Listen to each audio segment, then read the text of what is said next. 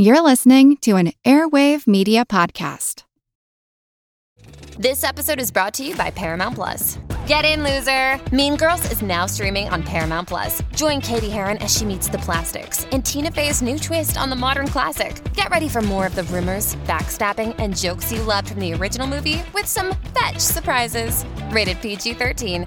Wear pink and head to ParamountPlus.com to try it free. Wyndham Hotels and Resorts makes travel possible for all. Whether it's the long haulers looking for a great cup of coffee, a roomier rest for the on a whim road trippers, or a place to make summer memories with the whole family. No matter who you are, where you're going, or why, with 24 trusted brands to choose from like La Quinta, Days Inn, and Super 8, your Wyndham is waiting. Get the lowest price at wyndhamhotels.com. Restrictions apply. Visit website for more details. This is Kick Ass News. I'm Ben Mathis. Support for today's show comes from Google Play. Did you know that you can now download and listen to audiobooks on Google Play? That's right, with hands free listening using Google Assistant or Chromecast, you can enjoy thousands of titles a la carte, no subscription necessary. There's even multi device integration across the Google ecosystem. And for a limited time, you get $10 off your first one by visiting g.co slash play slash kick. That's g.co slash play slash kick. Find your story with audiobooks on Google Play. And now, enjoy the show. Hi, I'm Ben Mathis. Welcome to Kick Ass News. In January 2012, having covered a Somali pirate trial in Hamburg for Der Spiegel, journalist Michael Scott Moore traveled to the Horn of Africa to write about piracy and ways to end it. In a terrible twist of fate, Moore himself was kidnapped and subsequently held captive by Somali pirates. Subjected to conditions that break even the strongest spirits physical injury, starvation, isolation, and terror Moore's survival was a testament to his indomitable strength of mind. In September 2014, after 977 days, he walked free when his ransom was put together with the help of several U.S. and German institutions, friends, colleagues, and his strong willed mother. Yet Moore's struggle is only part of the story. In his new book, The Desert and the Sea 977 Days Captive on the Somali Pirate Coast, Moore offers an intimate and otherwise inaccessible view of life as we cannot fathom it, brilliantly weaving in his own experience as a hostage with the social, economic, religious, and political factors creating it. And today, Michael Scott Moore comes on the podcast to talk about his incredible tale of survival. He reveals why he believes he was deliberately targeted for kidnapping, how pirates used the media to drive up their ransom demands, and why his own mother had to act as his hostage negotiator. Michael says the Somali pirates are shockingly naive about America so much so that his captors actually thought his mom had a direct line to the president and access to astronomical amounts of money. And even the man known as the Pirate King had no clue about America's firm policy against negotiating with terrorists. He shares how one of his guards tried to rationalize being a Muslim and a pirate discusses their uncomfortable relationship with the terror group Al Shabaab, and contends that the supposed ideological motives for Somali piracy are total BS. He says it's all about cold hard cash, and he talks about visiting one major Somali city whose entire economy is built on piracy. He discusses his one daring attempt at escape and what went wrong, why he didn't even believe it when he was finally released after almost three years, and the strange fate that befell his pirate captors after he left. Coming up with Michael Scott Moore in just a moment.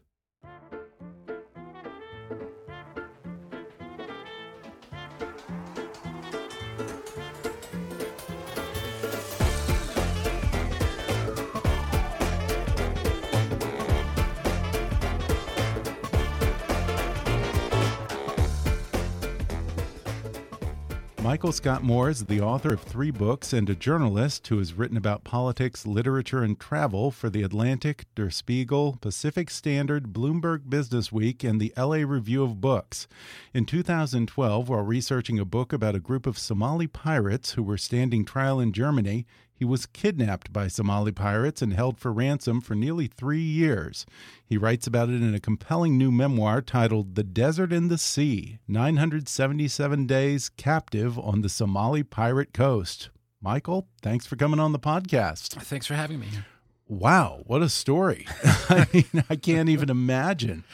I mean, Somalia is not exactly at the top of everyone's bucket list. So, how, how, exactly did you end up there to begin with? Well, it took a while. I, I slowly got interested in um, Somali piracy, of course, when it started, because I was reporting on it um, at Spiegel Online in Berlin, where I was living. And then a, a, a trial of 10 Somali pirates started in Hamburg. Um, in about 2011, actually late 2010, and I, I followed it for Spiegel Online, and I became very interested not just in the 10 Somalis who were before the court in uh, Germany, which was the first pirate trial in 400 years in Germany, uh, but also in the reasons why m- modern piracy had suddenly sort of broken out, where we'd have had more than 200 years of relative peace uh, on the water. Um, piracy's never been off the planet, but um, we've had we had a couple of centuries of um, pretty smooth sailing for for merchant vessels, and it turns out that was pretty deliberate. So I thought it would be very interesting um, to go down to Somalia and, and research the background of the, these guys' stories in Hamburg, and also somehow put Somali piracy into historical perspective and compare Somali pirates to other pirates in history. So I had a totally different idea for the book, um, which sure. getting kidnapped actually derailed. So you flew down to Somalia to do some research for this book, and you went to this lawless area of Somalia called, I hope I have this right, Galmudug. That's right, Galmudug. Galmudug. Galmudug normally, you, yeah. Mm -hmm. Yeah, you met with the president of that region. You saw mm -hmm. firsthand how pretty much an entire local economy was built on piracy, right? That and other things. But it, what was interesting about that town, Galkayo, which is the uh, capital of Galmudug, is that it it was booming kind of in tandem with the rise of pirate ransoms from about 2005, 2007, uh, when things really kicked off off the coast. And the interesting thing about Galkayo is that it's um, uh, more than 100 miles from the Somali coastline. So it's not huh. what most people thought of as a pirate town. Yeah. Uh, it was more of a pirate resupply town, kind of a place where pirates could retreat to and build their mansions, so called mansions, uh, and that sort of thing. So uh, the, that town was interesting for reasons that weren't real clear to the first most immediate observer. So it's this landlocked town, but it has all of these, I guess, kind of cottage industries that have sprung up, piggybacking on Somali piracy. Huh? Th that's right. All of a sudden, within the last, uh, I was there in 2012, uh, within the last five or seven years, uh, it had uh, money transfer centers, extremely modern ones, um, good cell phone networks, and as a consequence of all that, booming economy, also some schools and uh, some more infrastructure mm. that it had had before. Uh, it's a it's a city of hundred thousand people. It's quite large, wow. but it's in the middle of the desert. It's really um, remote, except as a crossroads town in Somalia, which is one reason it became important for pirates. And I mentioned that you met with the president of that region. Does he just kind of turn a blind eye to piracy? I mean, what is the official policy on this? That's how it seemed at the yeah. time. Yeah, uh, he uh, probably couldn't have been in that position unless he had somehow made an accommodation with uh, the the gangs that committed piracy. But uh, they were out, as he admitted to me, they were out in a lawless region of Galmudug. So, in other words, around Galkayo, the the regional government, his government had some power, but outside a certain distance from the capital, um, it was really criminal gangs that had sway. Mm-hmm. So he admitted that to me, um, and who knows how much he he actually had to do with those gangs or had to deal with those gangs. At a certain point, you've pretty much wrapped up your assignment there, and you're ready to head home, and then suddenly things go sideways. Mm-hmm. Tell me about the day you were kidnapped. Well, I was traveling the whole time with another journalist. So Ashwin Raman is a very good TV journalist from um, from India who who works for German TV. Uh, Ashwin went to Mogadishu um, a bit early. We we were originally planning to fly in and out together, um, but he needed to do some research in Mogadishu, so we went with him to the airport. and we saw him off. He got on a plane, and it was on the way back from the airport that uh, a, a, battle wagon, um, a sort of flatbed truck with a cannon. It's called a technical in Somalia. Was waiting for us. Um, uh, there were about who knows, 10 to 15 gunmen in the back. And when they saw our car, uh, they backed up the technical and pointed the cannon right through our windshield. So that overwhelmed my guards, my guard and my driver. Uh, and the men with Kalashnikovs came over to my side of the car and pulled me out. Wow. It took me a minute, but I knew it was happening once they opened the door. And they, I tried to keep the door closed with my arm, and they, they pounded on my wrist with their guns to get me to re- release the the door. So wow. they broke my wrist. They they pounded my scalp, bloodied my head, and then bundled me into a car. So where did they take you immediately after that? They took me out into the bush for about f- three hours. Um, we wound up at a at a bush camp. It seemed fairly random, but actually there was a mattress on the ground waiting for me, huh. um, uh, which means the whole thing was carefully planned. And at that camp, uh, which was sort of set along the side of a dry riverbed, a, a little cliff, uh, there were other hostages. And by then I didn't have my glasses. So they had broken my glasses when they captured me. And uh, for the next two years and eight months, I actually couldn't see very well. Yeah, from I'm, what I read in the book, it sounds like you're pretty much like I am without my contacts. You're close to legally blind. I'm nearsighted. Without, yeah, yep. yeah. So it, I can't imagine what that would be like. That was the worst. That was the worst realization of that day. Yeah. I mean, apart from getting beat up, uh, realizing I was going to have to spend this ordeal half blind was horrible. Yeah, and you mentioned that this was carefully planned. In fact, I think at some point you said it was pre planned and researched, and you had actually been specifically targeted, right? Mm -hmm. This wasn't so. just a random kidnapping no. on the side of the road. No, I think they, they, uh, they set up this, uh, this ambush fairly carefully to get me and also to get Ashwin. So I think they mm -hmm. wanted Ashwin too. Um, it was just his luck that we took a different route to the airport in the morning and so we missed where the technical had been waiting for us on the way out. Um, it had probably been there all morning. Wow. So he he felt quite lucky, and actually the pirates asked me about Ashwin now and then. You know, they, weren't you with another journalist? so they were wondering what happened to him. I mean, up till then, had you sort of assumed that there was some kind of an unwritten rule that journalists were off limits for kidnappings? No, I didn't assume that. I no. knew that um, outsiders were, were going to be at risk, but mm uh, I thought that we had the protection of a certain clan in that part mm-hmm. part of town, um, that part of the country. Um, South Gal- so South Galkayo is different from North Galkayo, and in the south, a certain uh, clan sort of has dominance, and uh, the elder that we met in Germany and who took us down there and took responsibility for our security uh, was a respected member of that clan. Okay. I think pro- probably not as well respected as we thought.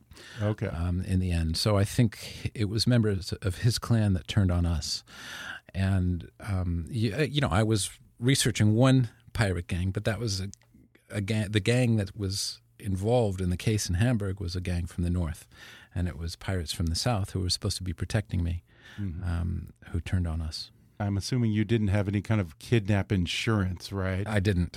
Yeah, and that was a real problem. I I should have just called off the trip when I failed to get it. Um, yeah. By then, so much planning had gone into the trip, and frankly, a lot of people don't have kidnap insurance when they go into situations like that. So I decided to go, and that was a that was a big red line that I crossed yeah. for myself. You know, wow. Um, the you know that sort of insurance exists, but it's never a sure bet that somebody has it. Usually, it's these large shipping companies that go and spring for that, right? Uh, yeah, also big media companies. So, an okay. independent journalist, it's it's a little bit more difficult to get yeah. something like that. They had you reach out to your mother, who became sort of your de facto hostage negotiator on the other side. How much did they ask for your safe return? The first thing they demanded was twenty million dollars. Did your mom have twenty million dollars no, she, she, was just flabbergasted when she heard that. I mean, so was I. I actually I laughed because I before they put me on the phone, they said, "Okay, we're going to force you to demand twenty million dollars," and I I must have smirked. uh, because they they yelled at me and said it's not a joke, but it's it obviously is a joke. You you guys aren't serious. Yeah. Um, and they weren't serious, but they held on to that fully unreasonable demand for over Yeah. a year. Uh, one reason for that, I think, is that so they made the demand about a week after my capture. Four days after my capture, SEALs came in and took an American and a European hostage from a different part of Somalia. Right. One thing that struck me is just for as much as Somali piracy has become a phenomenon over the past decade or 2 Mm-hmm. I would think that pirates would have these negotiations down to a science, but I was surprised to read just how naive they are in so many ways. It sounds like they just imagine every American has a money tree and direct right. access to the president. That's how it sounded. Yeah, they they gave us messages for Obama as if my mom had a direct line to the White House or something like that. Wow. And they really did think that we were just going to mm. sort of explode with money once once I was Yeah. I think they were as disappointed as anyone else. Yeah. Yeah. In fact, I think that you said in the book that later on, when you were interviewed by the FBI, the FBI agents were surprised when you told them that these pirates apparently had no idea that U.S. policy is not to pay any kind of a ransom for hostages. That's right. think that they would have done a little bit of homework. I would have thought so too. That's their Yeah. business. That's their their business model involves actually getting um, a ransom. And the surprise to me was that at least my guards, eighteen months into my captivity, were frustrated and angry when they heard that there was going to be no ransom money from Washington. Um, I I think they heard that from one of the Somali negotiators, and one of my guards actually came in angry at me about it, and he said, "Why? Why doesn't America pay?" And I, I tried to tell him the rationale, which Yeah. was which is that, well, if we keep paying out for um, hostages, then more and more hostages will be taken. Um, he'd never heard that before. He'd Really? he'd never heard the U.S. policy, and he'd never heard that rationale, um, or at least he did, acted like he hadn't heard the rationale. Um, so that was a really sore sort of lesson um, that came to me a, a little more than midway through my ordeal, which is that this stated policy, which all of us know about, especially journalists and people who go into crisis areas, um, we think that this stated policy of the United States that we pay no ransom keeps Americans safe, as if kidnappers out there in the you know in the field are going to choose who they who they capture, Yeah. a, a European versus an American or something like that, um, based on stated hostage uh, and ransom policies. It's simply not true. Yeah, I was interested to read that I guess they really don't discriminate. They take hostages from all over Asia and Africa. They're targeting shipping companies from all over the world. It's really not necessarily an uh, ideological war against Western imperialists per se. Uh, right. They use that rhetoric to. Um, uh, they they do like to use that rhetoric because Somalis are poor, and the, there's a history of colonialism that that helps explain that. It's not the full explanation, but they they do use that rhetoric, and it works among uh, a lot of the guards. Uh, but it's certainly not the only the, the only Yeah. motivation. Let's put it that way. The main motivation is obviously money. Yeah, because I've heard pirates say that they do it because their waters are polluted and you know, all the good fishing has been killed off, so there are no fishing jobs, or it's part of some broader ideological war against the West. Does the ideological explanation ring true, or do you think that it's mostly about a financial motivation? Oh, it's mostly about money. Yeah. yeah, no question. Uh, the the fishing explanation is important because that illegal fishing really does explain where Somali piracy comes from. Oh, really? So, in other words, the the fact that uh, foreign ships do and did come into uh, Somali waters to take fish is one reason Somalis came got into the habit of starting to stop ships and, Okay. and take ships and hold crews for a little while. The thing is, during the '90s, when uh, Somalia first started to fall apart, and nobody was defending its coastline, so it no longer had a national navy. There were clan groups that went out and did that for, you know, fifty thousand bucks or something. These fishing ships really were coming into Somali waters, and they would hold them for a couple of days and say you need a license, and the license fee is fifty thousand bucks. It's it was a ransom arrangement, but it was low key, and it was simply the price of doing business for a lot of uh, foreign fishing ships.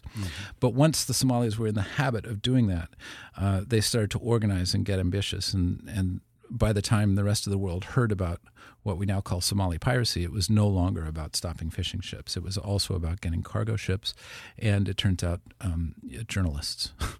so uh, that's a really important part of the book, and actually, actually, it's one dimension of the title, "The Desert and the Sea," because that conflict between the Somalis who live on the coast and make their living from the sea, and the men who who live inland um, and make their living other in in other ways is really important. Mm-hmm. And it turns out that most of my guards were men from inland rather than from from the coast. Interesting. Do you still see a lot of the same tribalism and warlords that existed in the 90s in Somalia? Oh well, that's definitely one cause of the civil war. Mm-hmm. Um, the clans in, within Somalia don't get along. Uh, Somalia is a very interesting place because it's one of the few countries in a- Africa that's a nat- natural nation state. So everyone who lives within Somali borders is Somali, with some exceptions. There are minorities, but uh, Somalia has not been carved up um, or yeah, you don't have so, the ethnic divisions that you have in a Rwanda or it, somewhere like that. That's right, or, right. or Kenya or something like that. Yeah. The, the borders are artificial in the in the sense that some Somalis are outside Somalia, but within Somalia, everyone's Somali as more or less. But the clans themselves don't get along, and that's why it's in such bad shape. I should add, though, that Somali pirate gangs are similar to pirate groups in history, in, in that um, members of rival clans can sometimes work together and get along. The gangs are sort of groups unto themselves. And a couple of times you met with, I guess, the guy who one would call the pirate king or the pirate kingpin, Mohammed Garfanji. Garfanji, Garfanji yeah. am I saying mm -hmm. that? Yeah. Uh, what is this guy like? Well, he was probably the main financier in my case. He mm -hmm. was mm-hmm. probably um, there were pro probably other bosses. There were certainly other bosses, um, but it's hard to say that he was the top of the heap, but I think financially he was the top of the heap. He met me a few times early uh, to try and shut out any other negotiators and become the main negotiator in my case and get like an embossed letter from President Obama and declaring him innocent of my kidnapping and all, all kinds of other crazy things. Um, he's actually quite a wealthy guy. Uh, he's essentially a warlord in the mm-hmm. sense that any Somali warlord is basically a businessman with armed men. Mm -hmm. And all of these pirate groups, they operate uh, under him or with his blessing? Uh, yes, he has uh, an armed, sort of a private army around him. And some of those men work in a pirate gang. Okay. Um, he has many business interests. That's -huh. not just piracy, but uh, piracy is certainly yeah. one of them. And for such a wealthy man, you say that even he is just completely naive about how things work in the U.S. Yeah, he acted pretty naive about it. I mean, he he wanted a he wanted this letter, and it it actually made some people on the other end of the phone line laugh. We're going to take a quick break, and then I'll return with Michael Scott Moore when we come back in just a minute.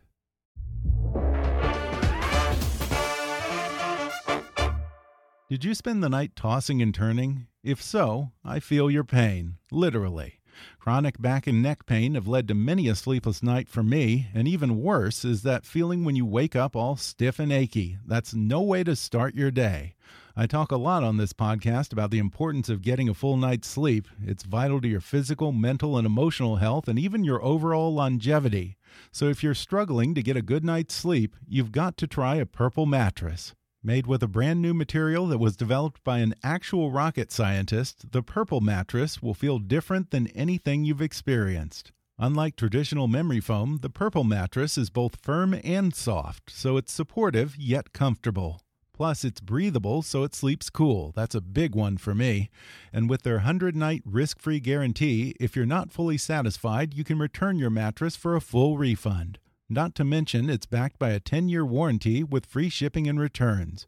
You're going to love Purple. And right now, our listeners will get a free Purple pillow with the purchase of a mattress. That's in addition to the great free gifts they're offering site wide. Just go to purple.com and use my promo code KICK at checkout. That's purple.com code KICK.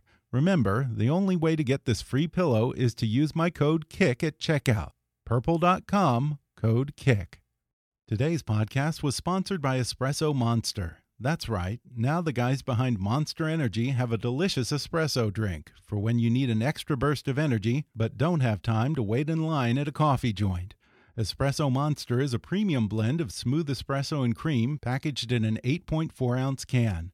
It's just the right size and perfect for when you're on the go. Each can has three shots of espresso blended with European milk, just the way the Italians do. At 150 to 160 milligrams of caffeine per can, it's sure to give you the energy you need to conquer the day. Espresso Monster has two delicious flavors to choose from espresso and cream, and vanilla espresso. That one's my favorite. Man, it is tasty. Produced in Denmark and the Netherlands, Espresso Monster is made with freshly brewed espresso coffee, hormone free milk, and a unique energy blend that's complete with taurine and B vitamins. In fact, I had one just before taping this podcast. You know how sluggish you feel around 1 or 2 o'clock after lunch? Me too. And when I'm tired, I can't get anything done. But I had a yummy vanilla espresso monster after lunch, and it gave me just the jolt I needed to power through the rest of my day. Try it for yourself. Close your eyes, take a sip, and enjoy Espresso Monster today. And now, back to the podcast. I hesitate to call the Pirates media savvy, but they did understand that the more media attention you get, the more that they can ask in terms of a ransom demand. Uh, how did they go about trying to work the media angle of this? Well, that's certainly what they thought, and so that's one reason uh, my family and the companies I worked for, the magazines I worked for, uh, tried to keep this out of the media as, as much mm -hmm. as mm-hmm. possible. So um, the case was not reported on while I was there. Um, before and after, you know, the beginning and the end were reported on, but not during. Uh, that was on purpose because the the pirates really did think that my ransom would go up if I became famous. Mm-hmm. Um, so they had whether, making proof of life videos and so forth. We and, made five or six yeah. different proof of life videos, um, or and or recordings, mm-hmm. photographs, that kind of thing, and I think only one of them really got out. Really, um, the others were sort of squelched mm-hmm. Um, by you know once a government official found it. I think they found a way to get get it off YouTube or whatever. Yeah.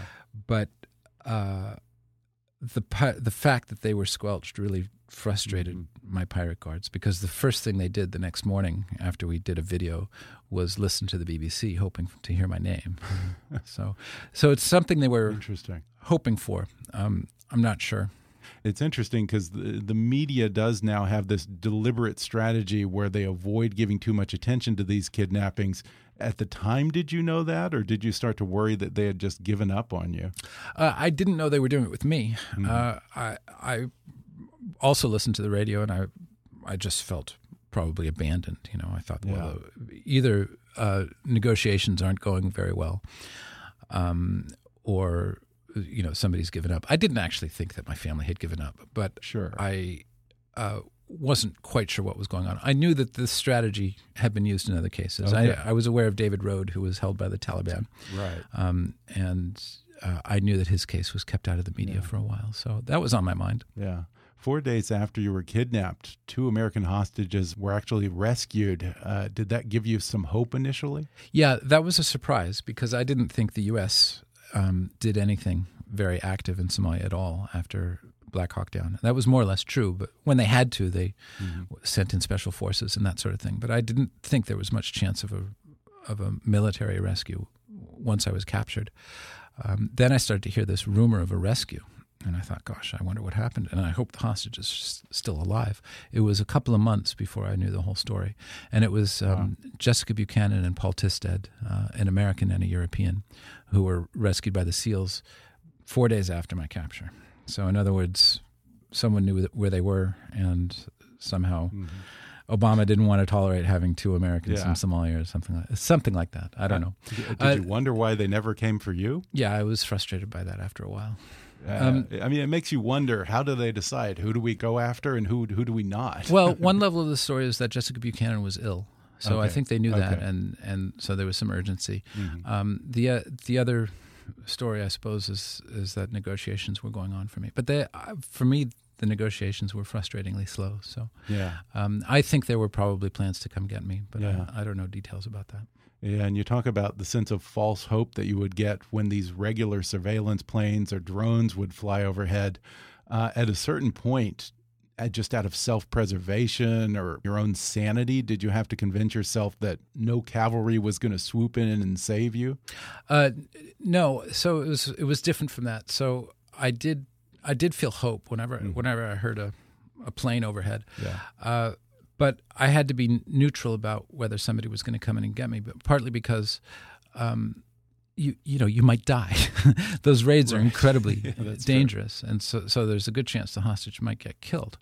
Um, and if they don't feel confident that they can do it, you know, with some with 100% success, then they won't do it either. So I I knew that these things were complicated, um, but I I had I think this this sense of hope that you know gets awakened by an airplane overhead, or even worse, by a pirate saying you're going to go out in three days or two weeks or whatever, um, creates a cycle that was extremely damaging. It was yeah. extremely painful, and I I had to sort of detach myself from that.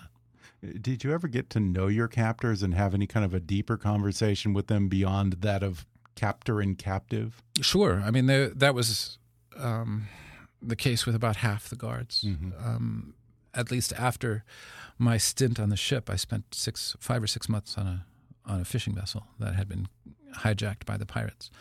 Um, I got to know this one group of guards that was holding me after the the fishing ship um, pretty well and about half of them you know didn't give a shit about me and they, mm. they didn't even answer when i tried to speak somali to them the other half you know they could meet me halfway and mm. so they could speak a little bit of english i could speak a little somali and we could get along um, and yeah I, I wound up asking one of the guards uh, why exactly he thought um, he could be a pirate and still call himself a muslim really what did he say to you well he was uh, he was very. I mean, all my guards prayed five times a day, and I was shocked by that. And so when I challenged him, uh, at first he was defensive, and finally he said something very surprising. He said, um, "You know, in the Quran, Michael, it says uh, to struggle with the infidel, and because we're not Al Shabaab, we're not terrorists. We're not going to shoot you for being an infidel.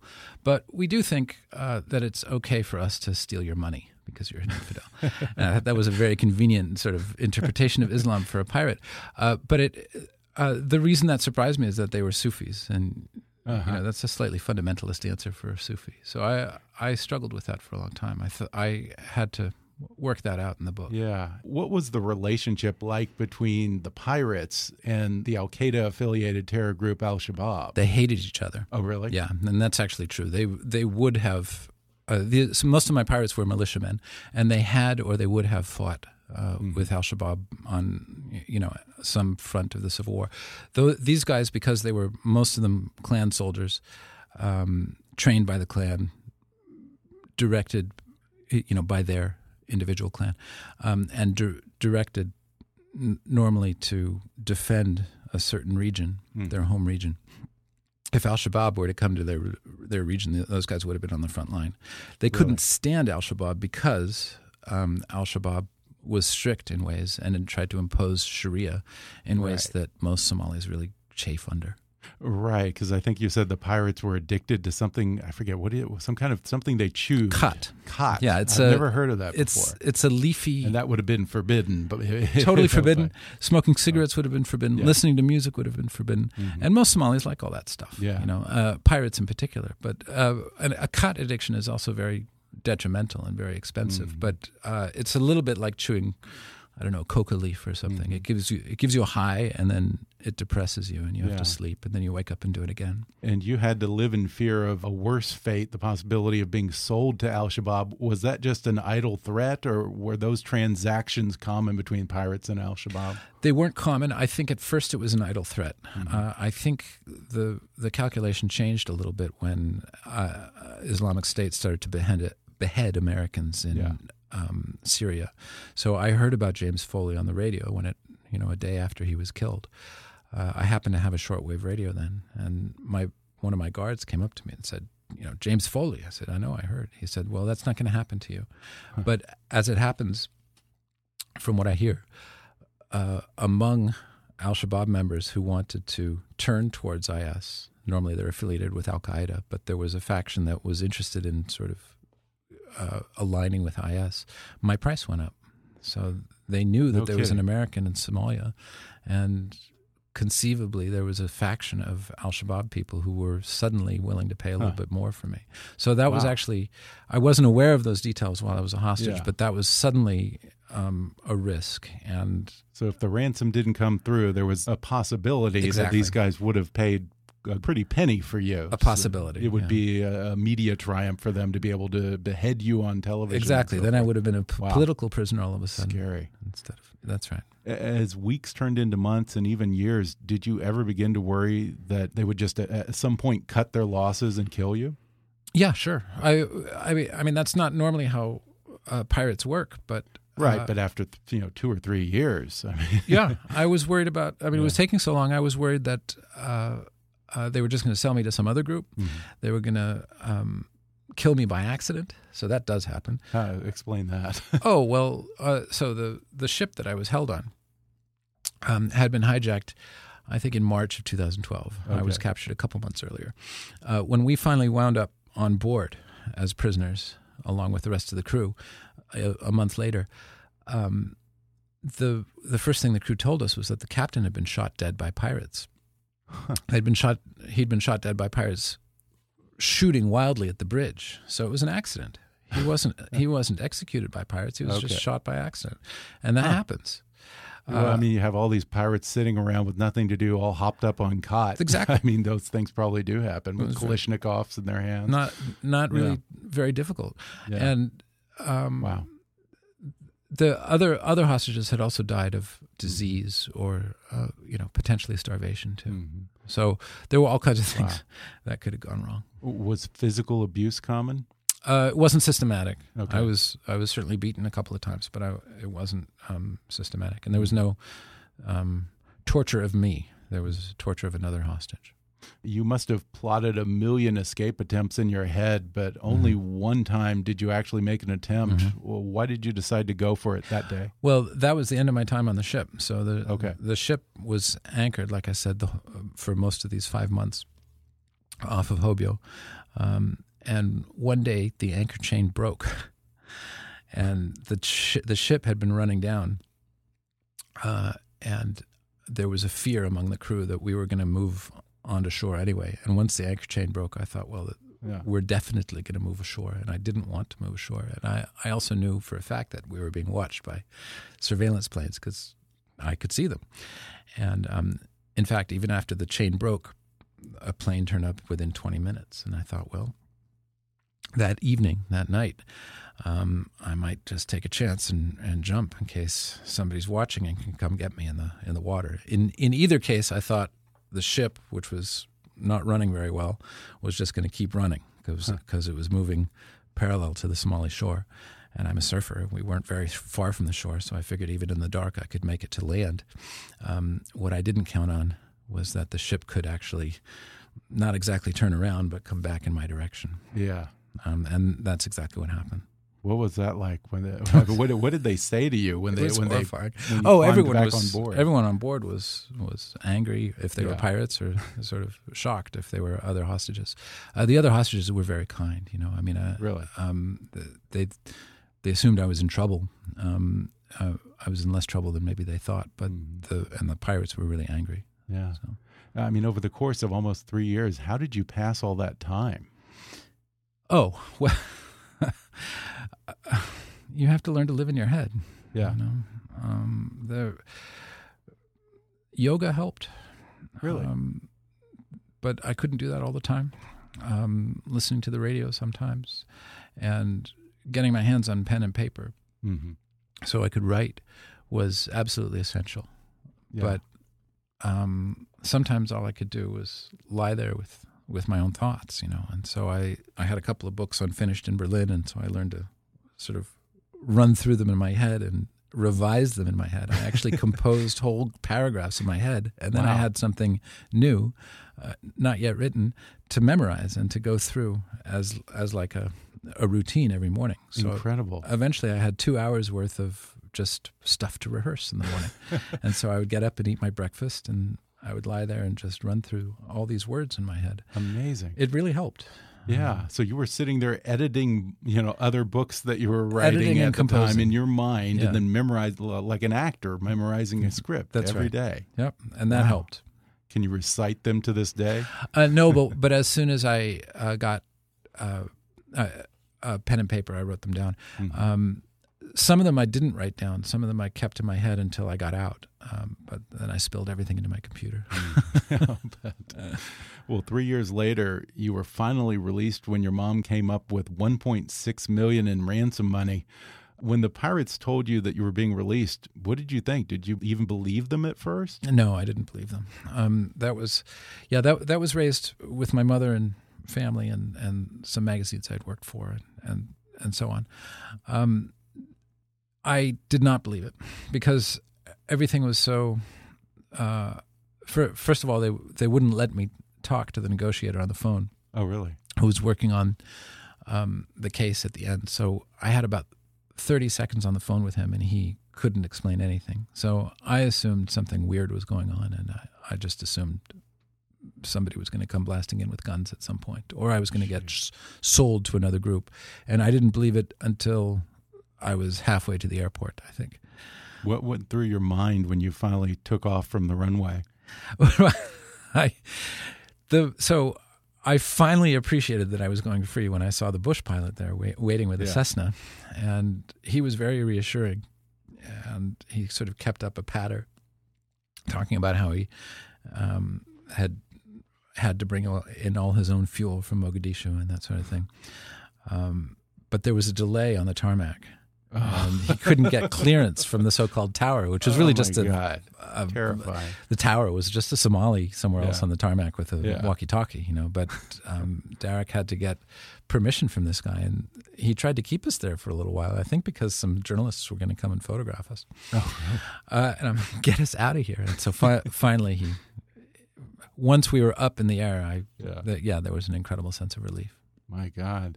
And that, by the way, that is not clear in the book. That was not clear to me that there was no tower because Derek used the word tower. Yeah. And, and just until a couple of weeks ago, when I saw Derek again in, in Nairobi, uh, did I realize that it was really Yeah. just a guy with a walkie talkie. now, looking back, do you ever wonder what became of your captors? Were any of them ever brought to justice? well, Have you heard anything? Yes, I have heard. Um, two days after I got out, there was some conflict between two factions of the pirate gang. And they met to talk about dividing up the ransom money, and there was a shootout, and five of those men were killed. Um, three of them were top bosses, two Yeah. were sort of semi top bosses, and um, a couple guys got away.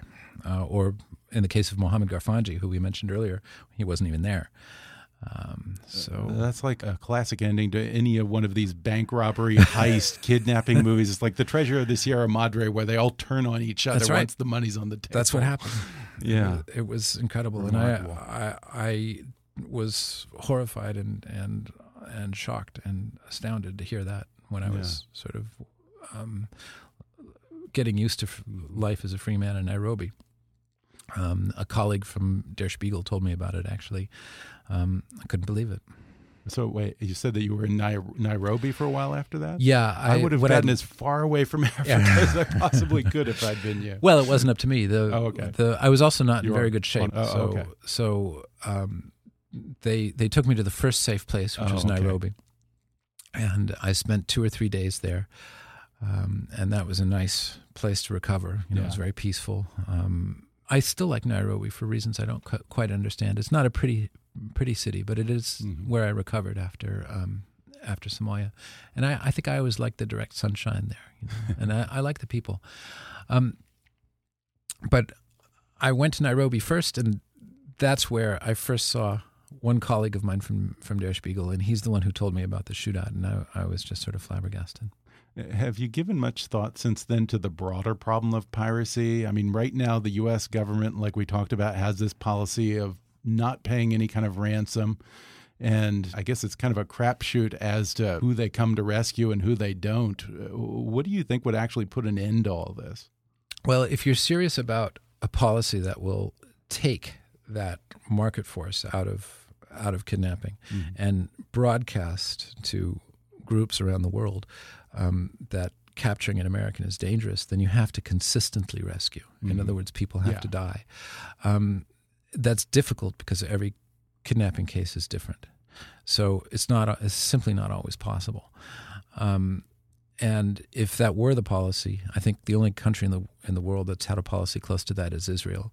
Mm. Um, then the the people in the country have to tolerate losing more hostages. Yeah. And I'm not so sure we we can do that, and I'm not also not sure we should. So Okay, interesting. So yeah, so making it more costly for them might alleviate the problem a little if bit. kid, if kidnappers died on a regular basis when they tried to capture Americans, then word would get around. Uh, but, but- but simple statements from men in suits from behind a State Department Yeah. podium that doesn't work.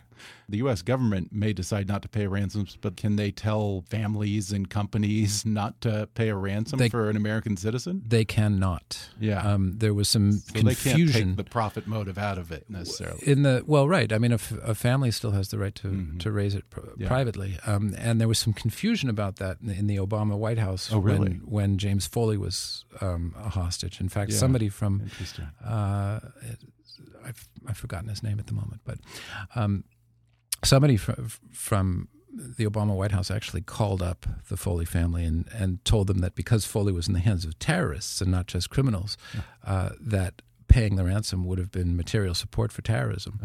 Uh, that that What might be tr- that might be true, but it's not something that the U.S. U.S. government normally gets in the way Yeah. of. Um, and and that was that that person wound up leaving his job. Wow. So that's really not U.S. policy, and it never Yeah. has been. Now, in the almost three years that you were in captivity, what do you suppose was the biggest lesson that you took from all this? Oh gosh, um, the the most interesting thing is that you know we we like to think that hope is, is somehow necessary to move forward, Mhm. and if you live without hope, you you know why do you live at all? Uh, that's not true. So I I had to actually live apart from that cycle of hope and despair because that cycle was getting to be very psychologically dangerous for me. Mhm. Um, so detaching myself from that was was the most important thing for getting through. Remarkable. Well, again, the book is called The Desert and the Sea 977 Days Captive on the Somali Pirate Coast. Michael Scott Moore, thanks so much for talking with me. Thank you very much. Thanks again to Michael Scott Moore for coming on the podcast. Order his book, The Desert and the Sea 977 Days Captive on the Somali Pirate Coast on Amazon or Audible. Visit his website at radiofreemike.net and follow him on Twitter at, at MichaelSCT Today's podcast was brought to you by Espresso Monster. When you need energy on the go and don't have time to wait in line, grab Espresso Monster. Espresso Monster is a premium blend of espresso and cream made with freshly brewed espresso coffee, hormone free milk, and a unique energy blend complete with taurine and B vitamins. Each can has three shots of espresso and comes in vanilla espresso or espresso and cream. I wouldn't even be recording this podcast right now if I hadn't had a vanilla espresso monster after lunch today. It's delicious and it was just the jolt I needed. Try for yourself, folks. Close your eyes, take a sip, and enjoy Espresso Monster today. If you haven't already, be sure to subscribe to Kickass News on iTunes and leave us a review. You can follow us on Facebook or on Twitter at, at KickassNewsPod. And as always, I welcome your comments, questions, and ideas at comments at kickassnews.com. I'm Ben Mathis, and thanks for listening to Kickass News.